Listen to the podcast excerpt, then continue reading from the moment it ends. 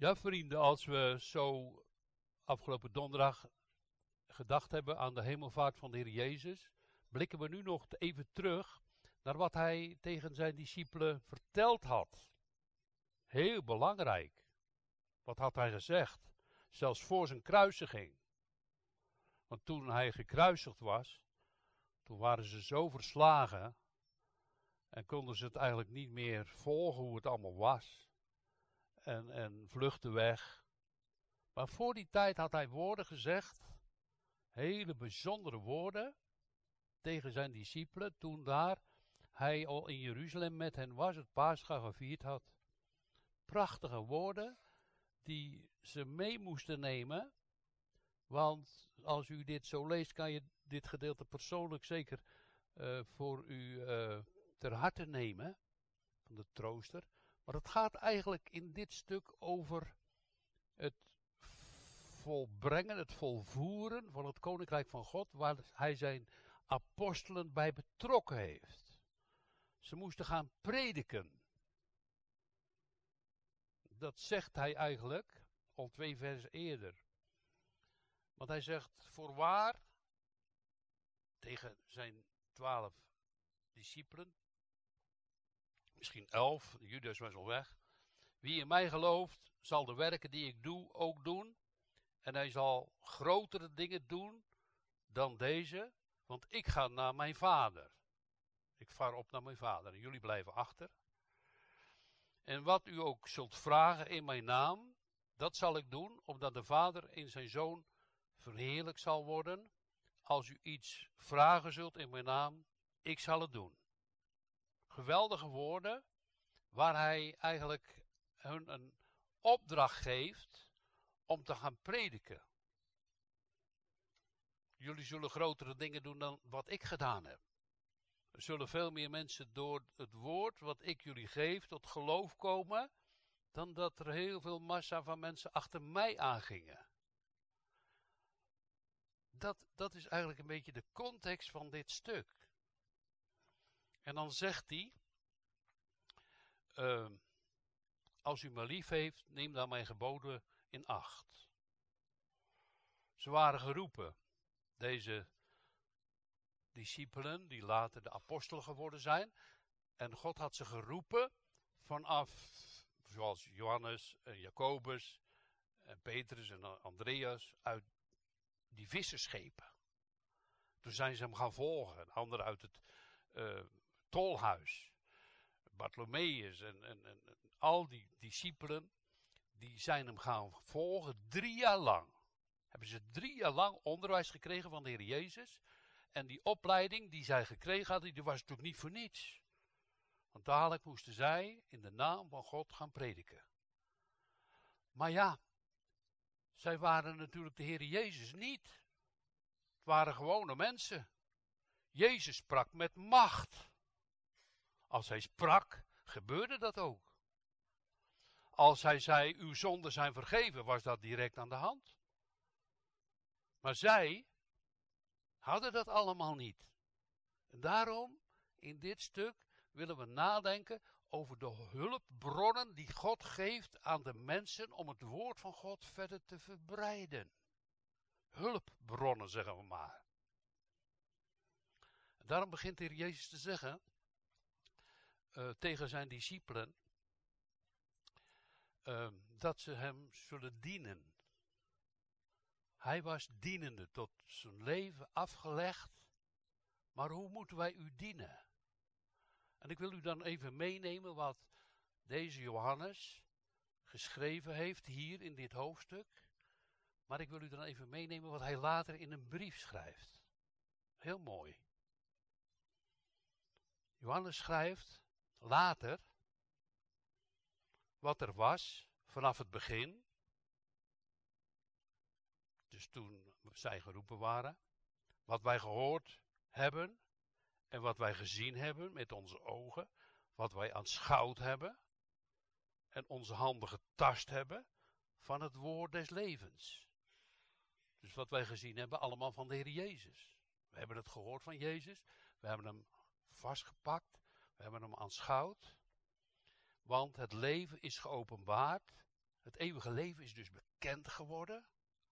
En wij hebben het gezien. En wij getuigen en verkondigen u het eeuwige leven. Zo. Dat bij de Vader was. Het eeuwige leven is bij de Vader. En aan ons is geopenbaard. Wat wij gezien en gehoord hebben. Dat verkondigen we, dat prediken wij u. Proclameren wij u. Niet zomaar, met de bedoeling.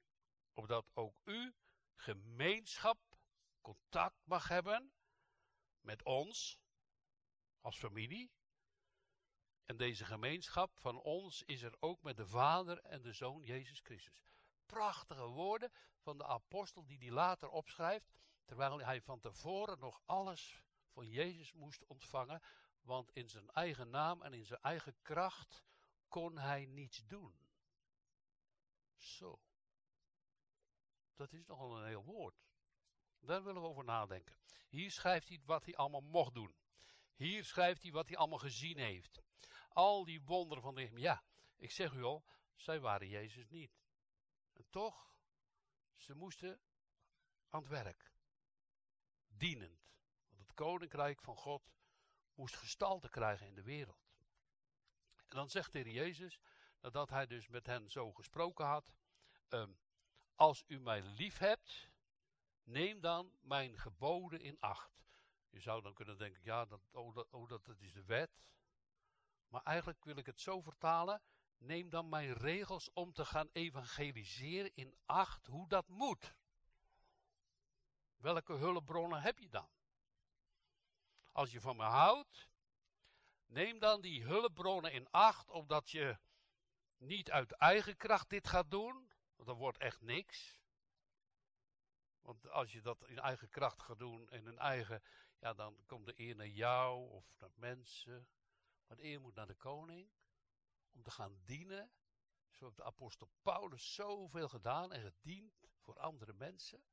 En die hebben hen eh, geleid en die hebben verschrikkelijke moeilijke dingen meegemaakt. Hij is veracht, pijn geleden, allemaal in de dienst van God. Dus hij gaf zijn leven daarvoor. Helemaal. Ja, Heer Jezus, als u dan zo met deze discipelen omgaat, u weet toch allemaal hoe dat afgelopen met hen?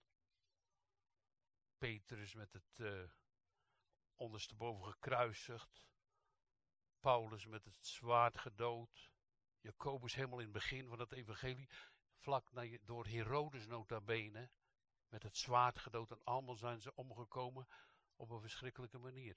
Hij, u wist dat. Liet u dat dan allemaal gebeuren? Waarom? Zo'n vraag kan je toch wel eens even gaan bedenken. U roept die discipelen. U wil dat ze gaan evangeliseren. En die strijd en die macht die zijn zo groot tegen die mannen. Dat ze, bijna, dat ze allemaal gedood werden.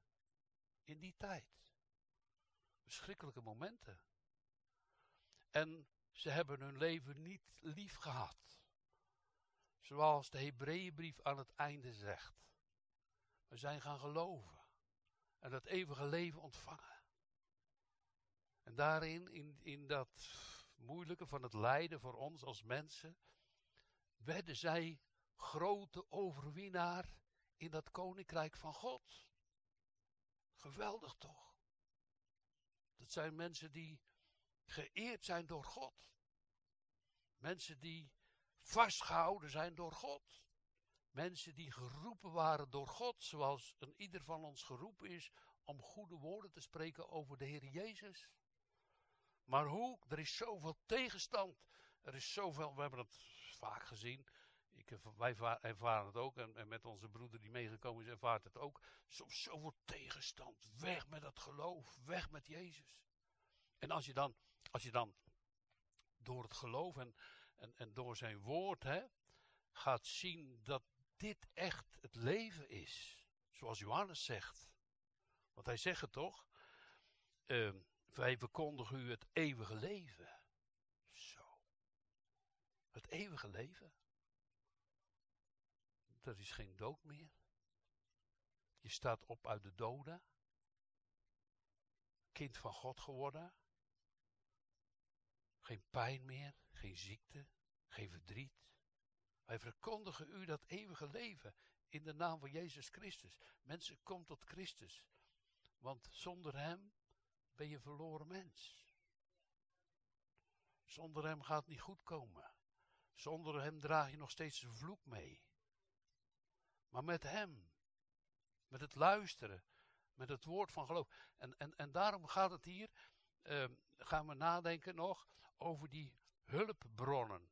Want hij had gezegd, uh, dat is hier niet, niet voorgelezen, maar dat is een, een versie voor, uh, dat een van die hulpbronnen om te gaan evangeliseren is het gebed. Want hij zegt hier, uh, ik ga heen naar mijn vader, jullie blijven achter, jullie moeten gaan evangeliseren. En wat u ook zult vragen in mijn naam. Aan wie vraag je dan? En dat is een hele les die Jezus ook aan zijn discipelen gaf. Wij roepen de Vader aan en in de naam van Jezus roepen wij de Vader aan. O Vader, help ons. U roept mij om te evangeliseren, maar hoe moet ik dat doen? En dan mag je vragen in de naam van Jezus. Uh, en wat u ook vragen zult in mijn naam, zal ik doen, opdat de Vader in de Zoon verheerlijkt zal worden. Dat God groot gemaakt zal worden door u. Met dat evangeliseren. Stel u voor dat je hier een moeder hebt, die gaat bij haar kinderen evangeliseren. En die kinderen die gaan in de Heer Jezus geloven. God wordt in dat huisgezin groot gemaakt. Prachtig toch? God wordt geloofd, geprezen. En, en, dan moet u dit, de, deze hulpbron die God aanwijst niet onderschatten. Want die hulpbron, het gebed, en ik ben dankbaar dat er uh, broeders en zusters zijn die vaak bidden, voortdurend bidden. Wij hebben dat als gemeente echt nodig bid zonder ophouden. Er was een prediker, die was geroepen in Amerika om daar te gaan prediken. En dat was een heel moeilijk gebied. En wat deed hij? Voortdurend, tot in de sneeuw zat hij op zijn knieën. Hij bad, hij bad, hij bad. En God gaf een opwekking in die plaats. Kwamen vele mensen tot geloof. Onderschat het gebed niet. Hij hoort als een van de hulpbronnen voor het evangeliseren. O God, leer ons bidden. En uh, is ook heel mooi als anderen op de weg zijn om te evangeliseren. Dat daaromheen, dat was bij Spurgeon zo. Hij had een groep mensen die gingen evangeliseren, maar dan in een stille plaats van de kerk was een hele groep en die waren daarvoor in gebed. Die smeekte God af, o God, zegen de arbeid, zegen uw woord. Vergeet het niet, gebed is geweldig. Geweldige kracht. Wij hebben ook een gebedskring. Die hebben eigenlijk ook dat doel, toch? Om samen te bidden hier voor deze plaats. Uden voor de gemeente. Soms zijn we met enkele mensen. Maakt niet uit. Er was die ene man, zei ik al, die was alleen aan in gebed. En God gaf een opwekking. Een van de hulpbronnen die een grote kracht doet, is het gebed. En vergeet niet. Wek elkaar daartoe op. Soms zeg je, ook oh, ga dadelijk bidden, maar dan gaat de telefoon af en je bent het weer vergeten. Oh, ja, dadelijk. Ik ga dat, je moet het maar direct doen. Als het in je hart komt, al zit je in de auto of waar dan ook maar, roep direct God aan. Want er komt iedere keer wat tussen in deze boze wereld. Dus hij zegt het al, um, wat u ook zult vragen, wat dan ook maar, hè, dat is toch nog een heerlijke belofte, of niet? In mijn naam, o Vader, in de naam van Jezus, wil u mensen geven hier in u dat ze tot geloof komen. Dat uw koninkrijk wordt uitgebreid.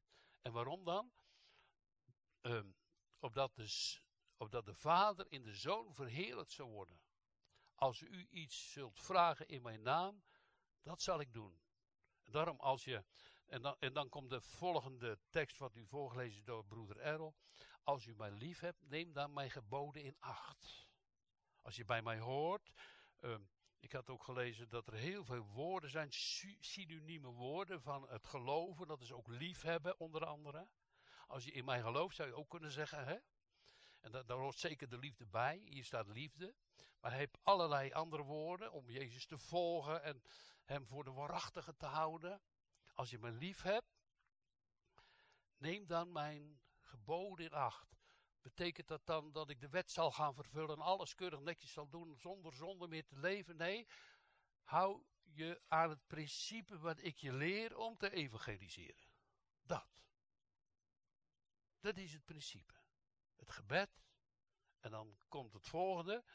En ik, als je mijn geboden in acht neemt, zal de Vader bidden. En hij zal u een andere trooster geven. Jezus is de eerste trooster. De andere trooster, omdat Jezus is opgevaren naar de hemel. De andere trooster is de Heilige Geest. Ik zal de Vader bidden. Die, zal u, die wil in en zal in u wonen. Ja, dat is een krachtbron. De Heilige Geest wordt ook vergeleken met dynamiek. Dat is een kracht. Waar het woord van God als kracht naar voren komt. Dus wil je, moet je gaan evangeliseren of, moet je de woorden Gods doorgeven? Doe dat dan vanuit de Heilige Geest. En door de gebeden heb je al twee hulpbronnen. Ziet u? Hoe machtig dat dat klinkt. Maar als je dat vergeet en je, je gaat zomaar aan de gang en je doet het uit eigen kracht, wat gaat er gebeuren? Bijna niets, of misschien wel hele mooie dingen, maar het is zo gauw voorbij. Het gaat over eeuwigheidswaarden, toch? Dat het niet meer weggaat uit het hart. Dat mensen aangeraakt zullen worden. En hij zal een andere troost geven, opdat hij bij u blijft in de eeuwigheid. En, en dan wil ik met u toch, ook als je christen bent geworden, uh, het persoonlijke van de Heilige Geest u noemen en prediken. En u weet het toch, want de Heilige Geest is een advocaat. Zo vaak hebben wij, ik tenminste wel, in je hart en van buitenaf, van mensen en van de duivel, beschuldigingen. Wie ben jij nou eigenlijk? Denk jij nou echt dat je een kind van God bent? Zo kan het gaan. En als jij dan een kind van God bent, hoezo dan dat het zo fout gaat in je leven? Of dat je ziek wordt? Hoezo dan? Dat soort dingen. Hoezo dan dat je dan zo depressief bent? En zo pijn en zo verdrietig bent. Als je kind van God bent, dan moet je toch een blij persoon zijn? Zulke aanvallen komen op de kinderen van God. En hij is de advocaat. Die spreekt in je hart. Die brengt de woorden van God in je herinnering. En je mag zeggen, uh, ook als je geweten je aanklaagt door duivel, boze mensen of vanuit je hart. Hij brengt je geweten tot rust. Hij brengt je geweten tot rust. En dat doet hij door het bloed van Christus te getuigen. Daar is alle ellende op het kruis gegaan, toch? Al die zonde, al die nood en al dat verdriet van ons leven, heb hij toch op dat kruis genageld. En dan moeten wij wel in deze wereld die strijd en die moeite ervaren, maar we komen erdoor met hem. We geven het af. Dat is een hele les om het af te geven. Heel je leven, al je verdriet, je pijn, je zorgen, je gedachten af te geven. Dat is soms een worsteling, hè. Dat lukt soms ook helemaal niet. Je blijft maar tobben, gedoe. Af te geven aan hem. Kan hij het aan? Ja. Hij wil het ook. Hij wil het allemaal dragen. Hij heeft het al gedragen. Hij is de victory, de, de, de, de, de, hij heeft een victory day meegemaakt met zijn hemelvaart. Heeft alle macht in de hemel en op de aarde. Hij was erbij met de schepping. Als wij zeggen, uh, die de hemel en de aarde in zes dagen geschapen heeft. Nou, dat kan toch niet. Hij is de almachtige God. Maar als je dan moet spreken over de goedheid van God naar andere mensen. En te getuigen van Hem denk je, ja, dat lukt allemaal niet. En die boosheid en moeilijk, allemaal zorgen erbij. Ja, ik ben toch geen Jezus, u kon dat wel, hè. Maar als je kijkt hoeveel mensen dat hem achterna liepen, heb Jezus er ook verdriet over gehad. Want hij heeft gezegd toen hij langs Jeruzalem liep. Jeruzalem, Jeruzalem, dat is een stad hè, De Shalomstad toch, hè? Stad van vrede wordt die genoemd. Nou, dat is alleen maar oorlog en genadigheid. Shalom, shalom, hè? Uh, Jeruzalem, gij die de profeten dood en stenigt. Ik heb zo vaak jullie bijeen willen vergaderen als een kip zijn kuikentjes. Hen haar kieken staat er. Maar jullie hebben niet gewild dat ik koning over jullie ben. En ik ben het. En ik heb alles in orde gebracht. En ik heb alle power in de hemel en op de aarde. En, en dan, dan, dan mag je toch zo bidden. O God, geef mij uw kracht. Geef mij uw wijsheid. Geef mij uw hulp. Geef ons uw zegeningen. Vul ons met uw Heilige Geest. Geef dat we uw Heilige Geest niet bedroeven. Om vruchtbaar te zijn en te dienen in het Koninkrijk van God. Want ja, je kan wel zeggen. Nou ja, als ik het maar heb en als ik een kind van God ben, dan is het toch genoeg? Is dat zo? Nee, want hij gaf iemand talenten, tien, vijf en iemand nog één talent. Nou, je hebt allemaal al een talent gehad. Je denkt bij je nou, nou, die niet of die wel, maar dat weet je niet. We hebben allemaal talenten gehad van God. Wat doe je met die talenten? Nou, die ene had er bij die tien, tien bij gewonnen, de andere vijf ook vijf bij gewonnen. De heer prijs niet, maar die andere had één talent. is bijna niks. Hij denkt, ja, u bent een streng heer. En ik heb dat, dat talent onder de grond verstopt. Want uh, dadelijk krijg, gaat dat helemaal niet goed of zo. De Heer die komt, gij luie dienstknecht. Je had dat talent op de bank kunnen zetten. Had je nog rente gehad. Je hebt er niks mee gedaan. Alleen maar aan jezelf gedacht. Het koninkrijk van God is een koninkrijk van genade. Dat gaat ons leren door de Heilige Geest dat we mededeelzaam worden met hetgeen wij ontvangen hebben. En daar heb je elkaar ook voor nodig om te gaan delen in die genade en goedheid van God. U ziet wel, als, als, als we willen evangeliseren, dat we die principes, die geboden van Hem, die aangereikte woorden van Hem, in acht moeten nemen en ook zullen bewaren. Want dan, het volgende is natuurlijk dat Hij ons zijn woord gegeven heeft. Dat is de Bijbel. En dan kan je wel zeggen, ik ga het evangeliseren buiten de Bijbel om. Begrijp al dat de Heilige Geest niet akkoord gaat. Die gaat alleen akkoord, akkoord naar dit woord. Het geschreven woord van God. Daar gaat hij door akkoord en mee akkoord. Want dat is het woord Gods dat u gegeven is. En, en, en, en dan, dan zegt de Heer Jezus, uh, namelijk, die, de Heilige Geest blijft dus in u. En dat mag een hele troost zijn voor je persoonlijke leven. Maar dan ook voor het werk wat wij mogen doen, ieder op zijn manier. Denk maar niet als iemand thuis alleen bidt, dat het weinig is hoor. Ik acht dat heel groot. Als mensen alleen bidden en hebben, zijn oud geworden, buigen hun knieën voor de familie, roepen God aan. Dat is groot. Daar mag je dankbaar om zijn. Dat er zulke mensen ook onder ons zijn. en dan zegt hij, uh, wat is dat dan, die trooster? Dat is de geest, dat is de Heilige Geest natuurlijk, de geest van waarheid. Nou, Jezus zegt, ik ben de waarheid. En het werd niet gezien. Pilatus staat vlak bij Jezus. Hij ziet de waarheid niet. Hij ziet het niet. Zo vlak bij de Heer Jezus. En ja, wat is waarheid, hebben ze gezegd. Doe maar weg. Het geeft ook pijn, hè? die afwijzing van God. De Heilige Geest is de waarheid die de wereld niet kan ontvangen. Want ze ziet hem niet. Nou, wij kunnen zo ook de Heilige Geest niet zo direct zien, maar wel zijn werkingen. En ervaren in je hart dat God je leidt en stuurt. Ziet hem niet, kent hem niet.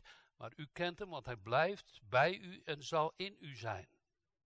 De Heilige Geest zou dus bij de discipelen, die later de apostelen genoemd worden, uitgestort worden in hun hart. Wat we aanstaande zondag gaan gedenken, de uitstorting van het Pinksterfeest. De Heilige Geest is al uitgestort. Als je kind van God bent, dan mag je die ontvangen hebben. En dan mag je ook om vragen dat hij voortdurend ook bij je blijft. Dat je hem niet verdrietig maakt. Dat je hem niet wegstuurt. Dus een van die geweldige hulpbronnen is de Heilige Geest. Die zal u in alles leren. Dat. En dan mag het evangeliseren gebeuren door kracht. Verbonden met het eeuwig blijvende getuigenis van het woord Gods. Blijft eeuwig. Uh, je kan dus, laten, laten, laten we eens over denken. Je kan dus een, een hele fijne periode in je leven gehad hebben, hè, waar je merkt dat de Heer met je is. Maar plotseling komen de donkere wolken. En, en je wordt uh, verdrietig of je voelt pijn of je bent depressief. Je denkt, waar, waar is de Heer nu? Hè? Maar hij blijft dezelfde. Die, die, Mozes zegt van hem dat hij goede tieren is, vol van genade. Dat verandert niet. Alleen op het moment dat wij in die donkerheid zitten, dat is ook een beproeving. Is ook een zorg en een moeite. En soms is dat ook nodig. Want dan was je weer aan de gang gegaan en had je niet gebeden. Dat middel had je dus niet goed gebruikt. Dan roept hij als het ware ook terug om weer hem te gaan aanbidden.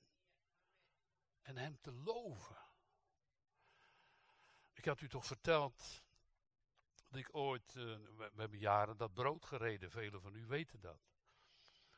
En dan uh, kom ik een keer bij die bakker en al het brood was weg. En ik denk, oh, ik ben vanmorgen zomaar weggereden. Ik heb niet gebeden, ik denk we gaan gewoon weer brood halen, maar het was allemaal weg. Dus ik ga terug naar mijn auto en zeg, oh God, ik heb niet eens gebeden. En, en, en u moet niet denken dat ik zo'n bidder ben, maar dat hoort er echt bij.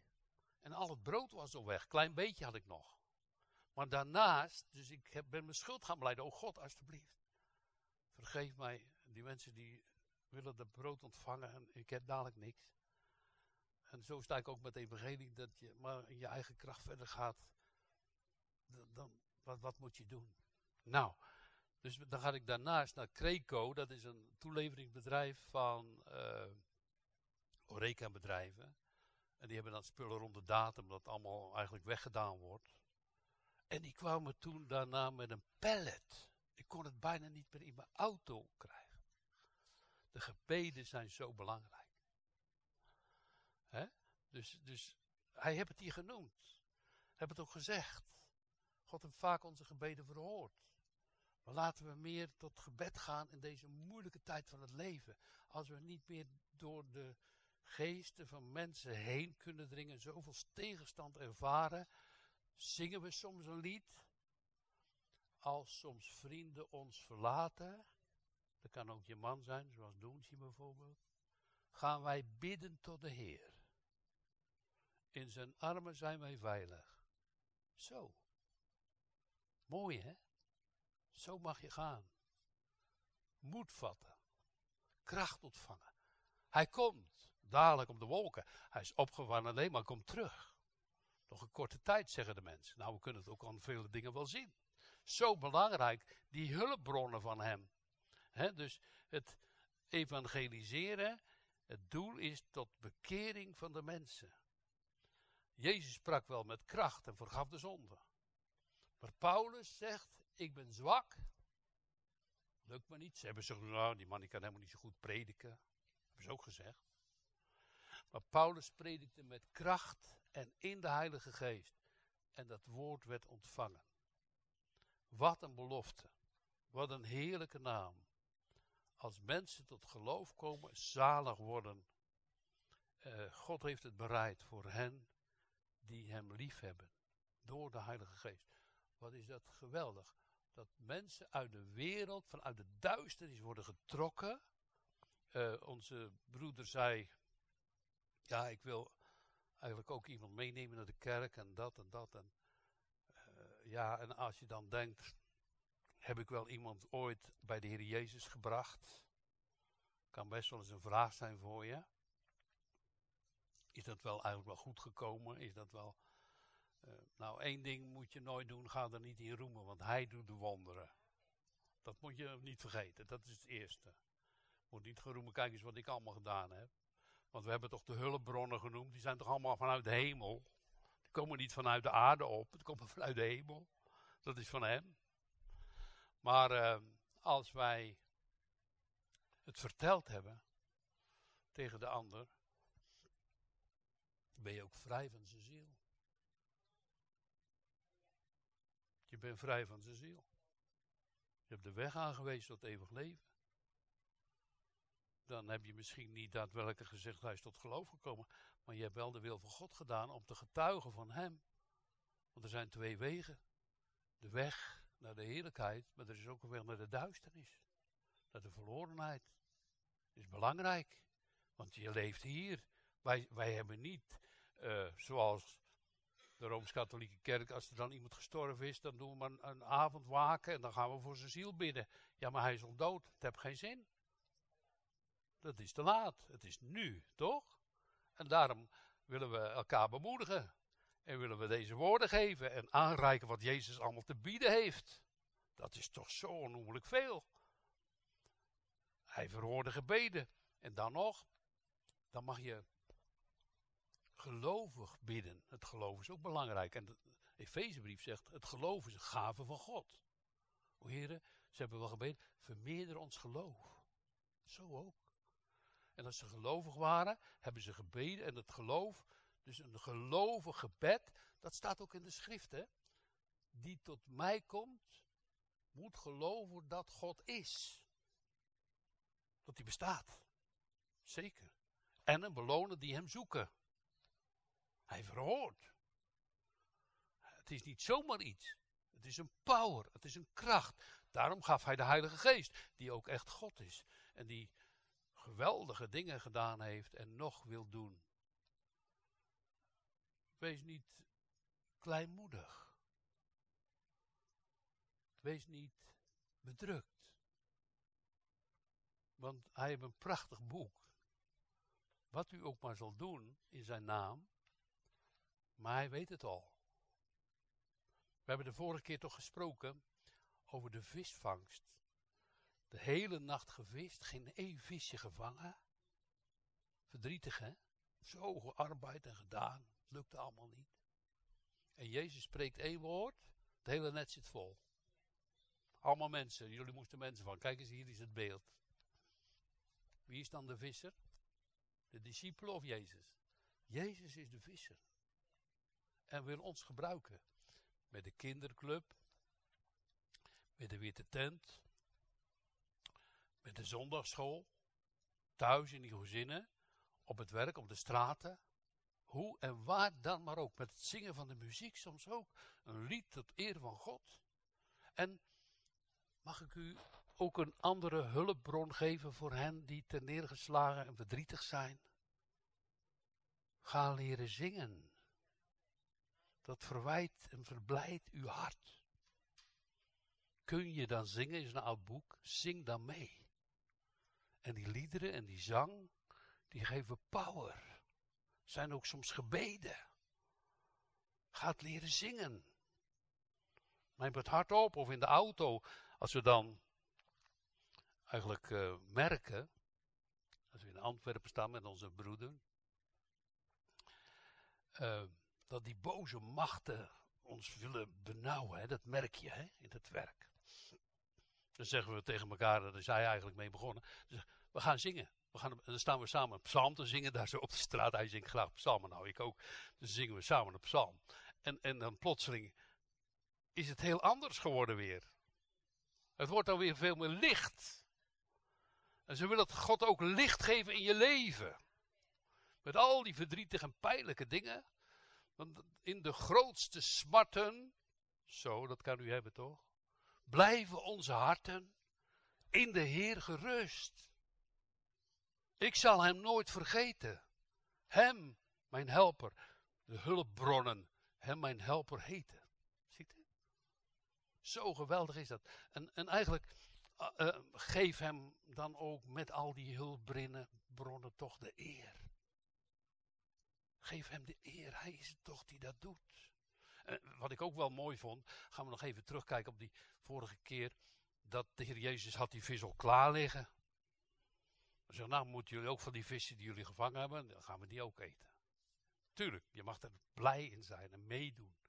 Maar hij vangt de vis en wil ons gebruiken, omdat we hem zullen dienen. Omdat we hem zullen liefhebben. Omdat we tot geloof zullen komen en verder mogen zien, o God, uw koninkrijk komt. Denk maar niet dat het voor de apostelen en de discipelen in de eerste tijd zo gemakkelijk was om te gaan evangeliseren, want er was een vijandige boel daar in Jeruzalem. Zo. Hol van de leeuw. Dan krijgen ze de kracht van de Heilige Geest. En God laat zien, 3000 op één dag bekeerd. O God, geef het ons ook alstublieft. Opdat we ons mogen verblijden. Nou staat er ook in dat volgende gedeelte, komt daar de vraag naar voren. Uh, als iemand mijn lief heeft, die zal mijn woorden in acht nemen, dus die zal mijn hulpbronnen gaan gebruiken, zeg ik maar even. Hè? Dat betekent niet dat je slordig gaat leven of dat je Gods wetten niet eerbiedigt, natuurlijk, maar het gaat hier over het evangeliseren. Die zal mijn woorden in acht nemen en mijn vader zal hem lief hebben. En wij zullen naar hem toekomen en bij hem intrek nemen. Dat mensen mogen zien aan je, familieleden soms ook, oh, jij hoort dus bij Jezus. Ik zie het aan je. Jij hoort dus bij de Heer Jezus. En het zou mooi zijn als ze dan ook zullen zeggen: Wat heb je dan? Wat ik niet heb. Dat zou natuurlijk mooi zijn. Want een liefde straal je uit. Wat heb jij dat ik niet heb? Dat is toch mooi om zo'n gedachte te hebben, hè? Ja. Dus de Heer Jezus zegt dat. Um,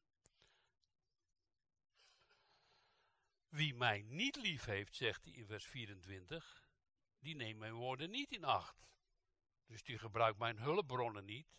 En die gaat misschien wel evangeliseren en die gaat misschien wel heel veel dingen doen. Maar dat doet het niet op mijn manier. Die doet het niet naar de gebeden. Die doet het niet naar de Heilige Geest. Die gaat zo aan de gang. En wat krijg je dan? Uh, zo komen er, als je die hulpbron, ben ik van overtuigd. Maar die mij niet lief heeft, bewaart mijn geboden niet, dus mijn inzettingen niet, zoals als ik het u bevolen heb om te evangeliseren. Dan mis je die hulpbronnen van hem. En wat zie je dan gebeuren? Dan komen mensen op een voetstuk te staan en die worden ons, misschien wel heel rijk. Vliegtuigen en allerlei mooie namen, Benny Hill enzovoorts. Nou, ik hoef eigenlijk allemaal niet uit te breiden. U weet het wel. En ze missen de Heilige Geest. En zo komen er valse profeten in de wereld. En antichristussen. Die proberen de mensen te verleiden. Niet op Jezus te bouwen, op het uiterste fundament, de steen, de hoeksteen van God, maar los zand. Jezus had daar een hele mooie gelijkenis van gemaakt.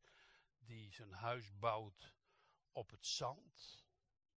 Dat is niet zo mooi natuurlijk, maar die zijn huis bouwt op de rots. Dat is wel heel mooi. Dat is op Christus. Maar die zijn huis bouwt op het zand. Dat is eigen kracht, eigen power, eigen manier, eigen doen.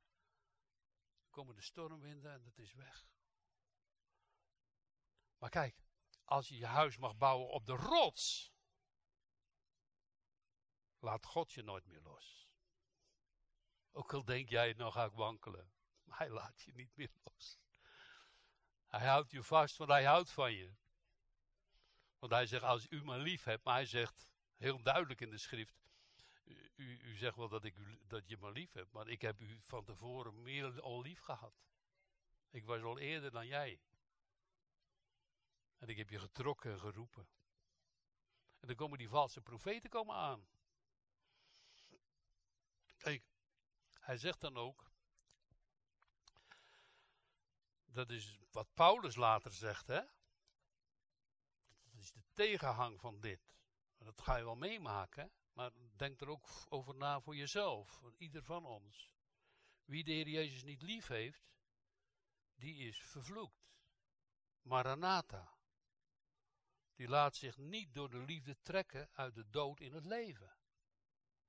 uit de duisternis in het licht. Hij die Jezus niet lief heeft, stoot het licht en het leven van zich af en de toren van God blijft op hem. En God wil juist dat we van de toren van God verlost worden, want Jezus heeft betaald. Jezus droeg de toren van God. Dan ben je ervan verlost door het geloof.